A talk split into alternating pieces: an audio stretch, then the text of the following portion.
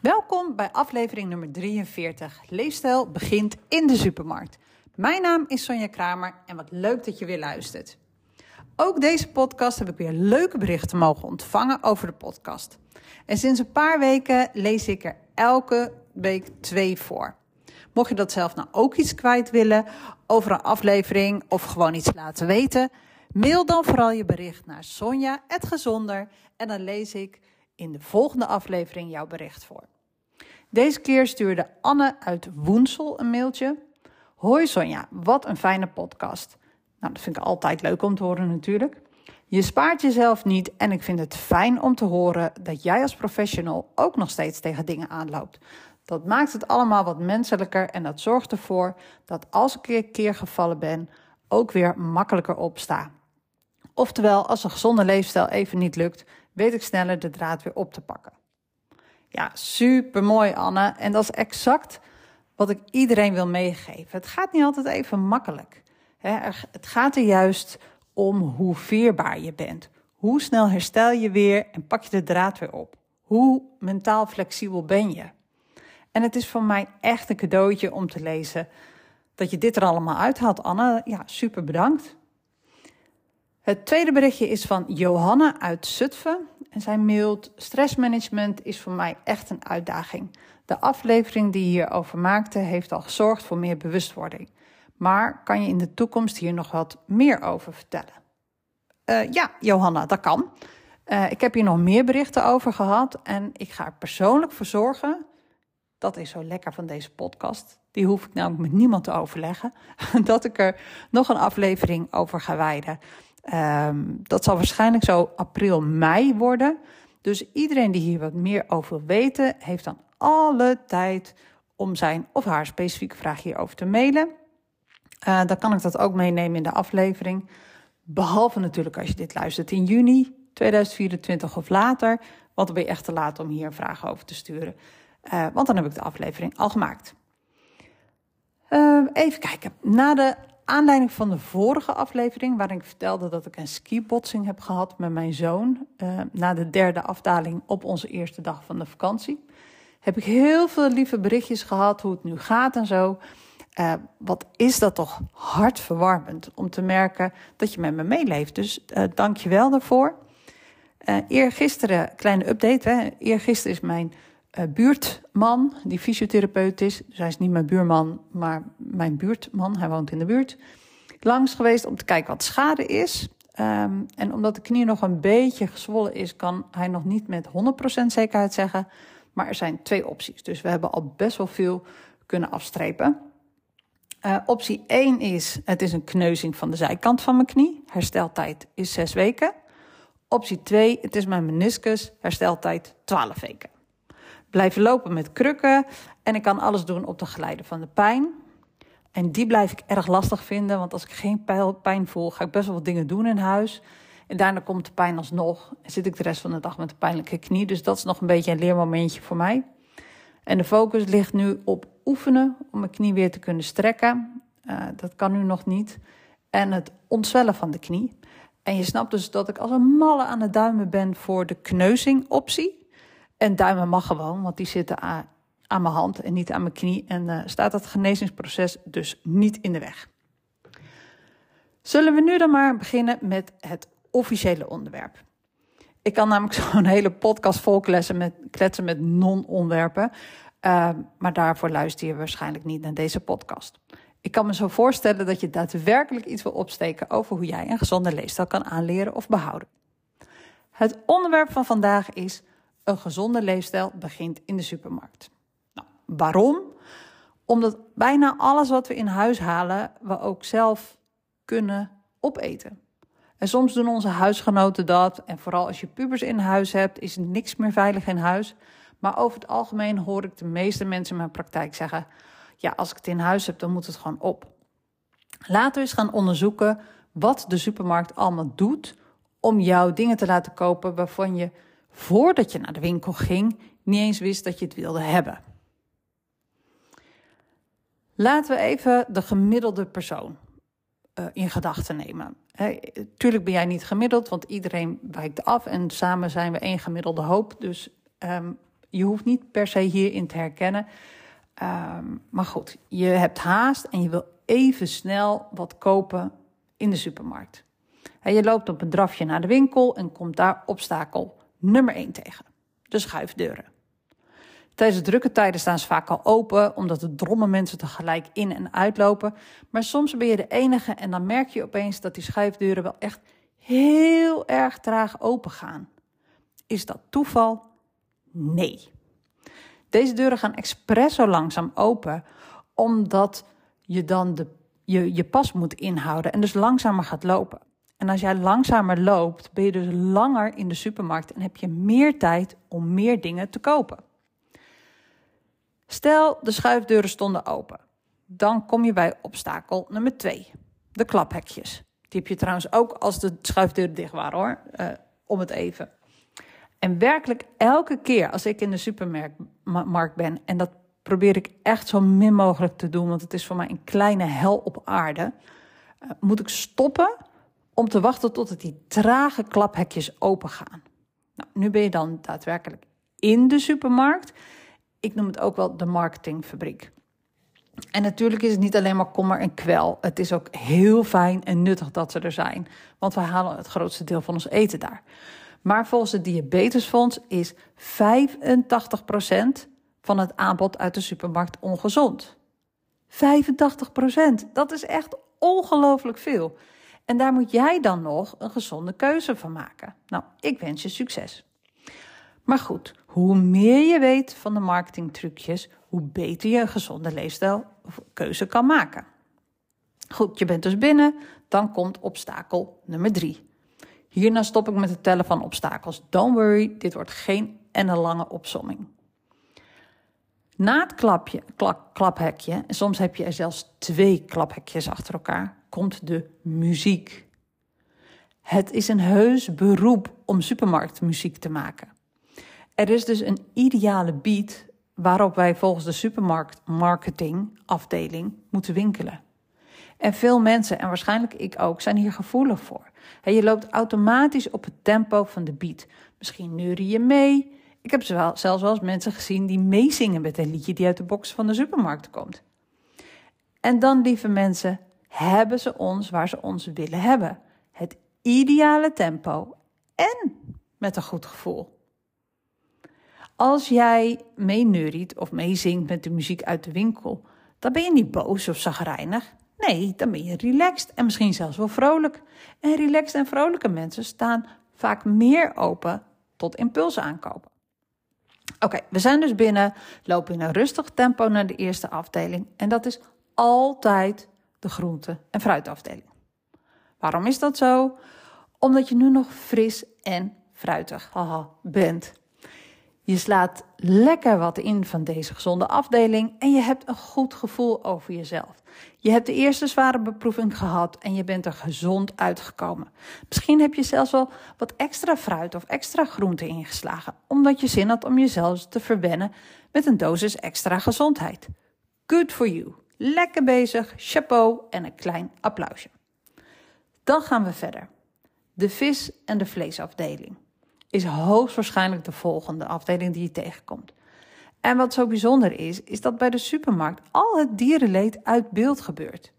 Ik ben geen activist, ik observeer alleen maar.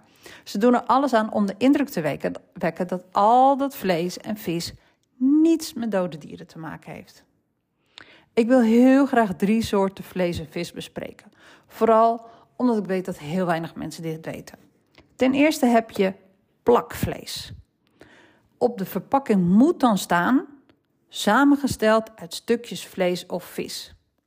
Deze term is wettelijk verplicht als een stuk vlees of vis wel de indruk wekt dat het uit één stuk bestaat, maar in werkelijkheid uit meerdere stukjes vlees of vis bestaat. Dus draai de verpakking om en lees het etiket op de achterkant. Het staat waarschijnlijk in zeer, zeer, zeer kleine lettertjes, dus doe je lens in, neem een vergrootglas mee of poets je bril even op, want dit is wel belangrijke informatie.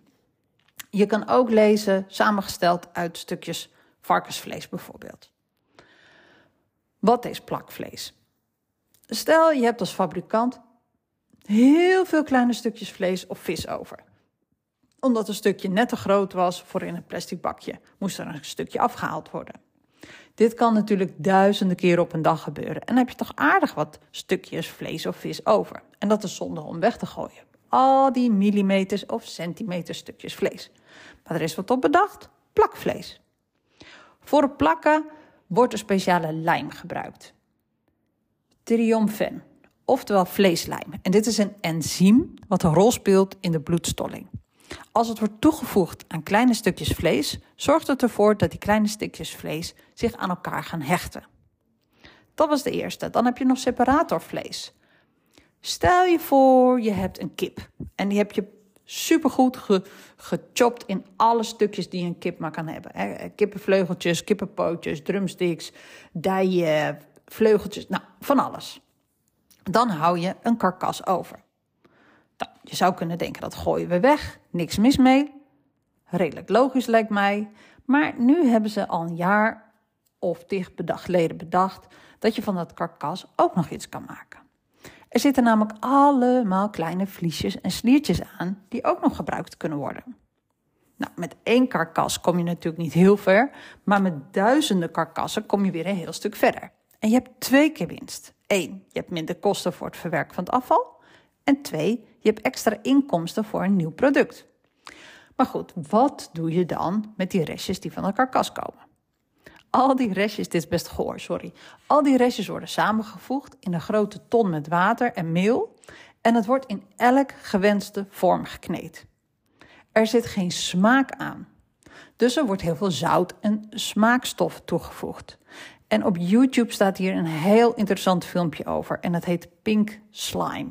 Misschien wil je het een keertje kijken, dan weet je in ieder geval wat je niet meer gaat eten, waarschijnlijk tegen van de volgende keer. En als laatste hebben we nog watervlees.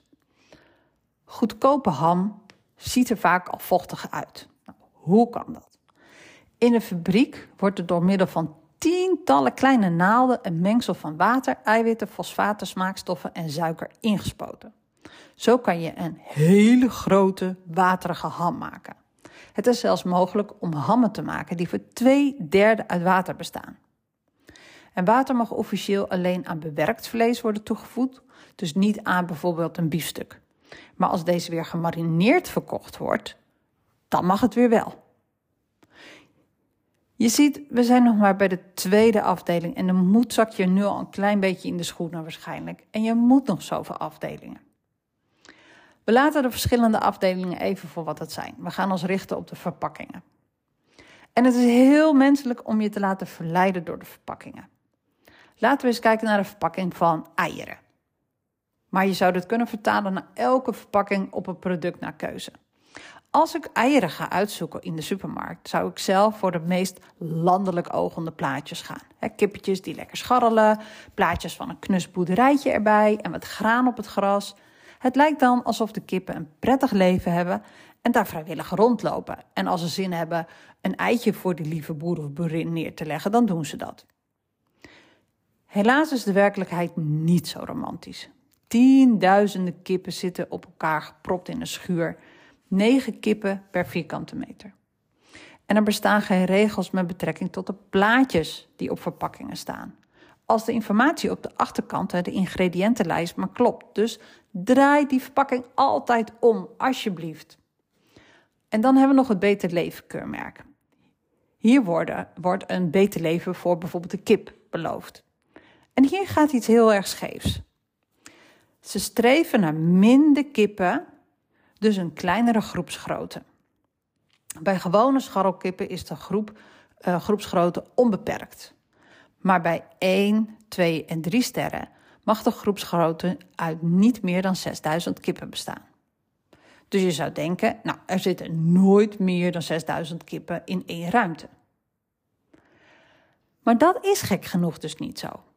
In een megastal zitten tienduizenden kippen bij elkaar.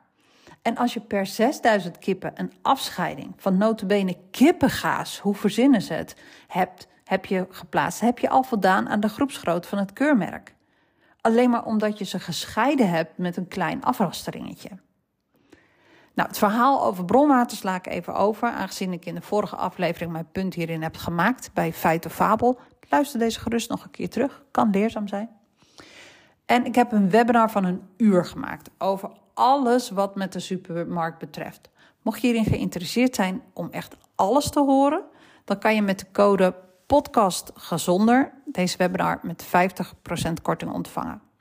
Mail deze code naar sonja.gezonder.nl als je het hele webinar wilt zien en horen.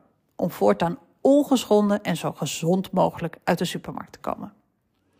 Nog een klein weetje over de afdeling met ingeblikt fruit. Vroeger aten we thuis, toen ik nog kind was, regelmatig een fruitsalade bij het eten. Met appel, banaan en mandarijnenpartjes uit blik. Dit nam ik over toen ik op mezelf ging wonen en ook toen ik kinderen kreeg, aten we regelmatig deze fruitsalade.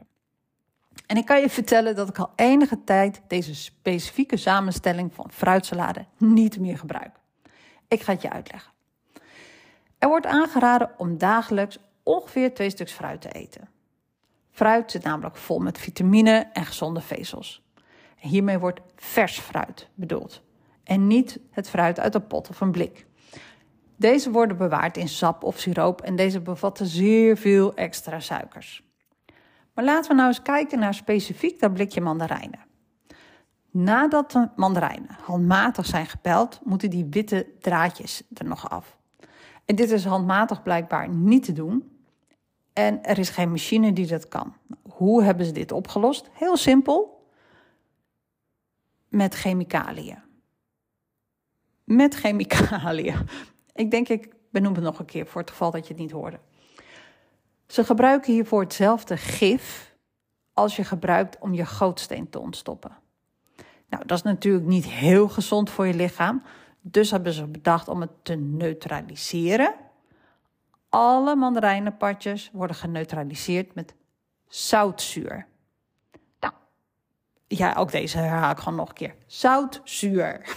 daar, kan je, daar kan je volgens mij hele lichamen mee oplossen. Um, nou, en dan denk ze, niks meer aan het handje, hij is helemaal weer oké.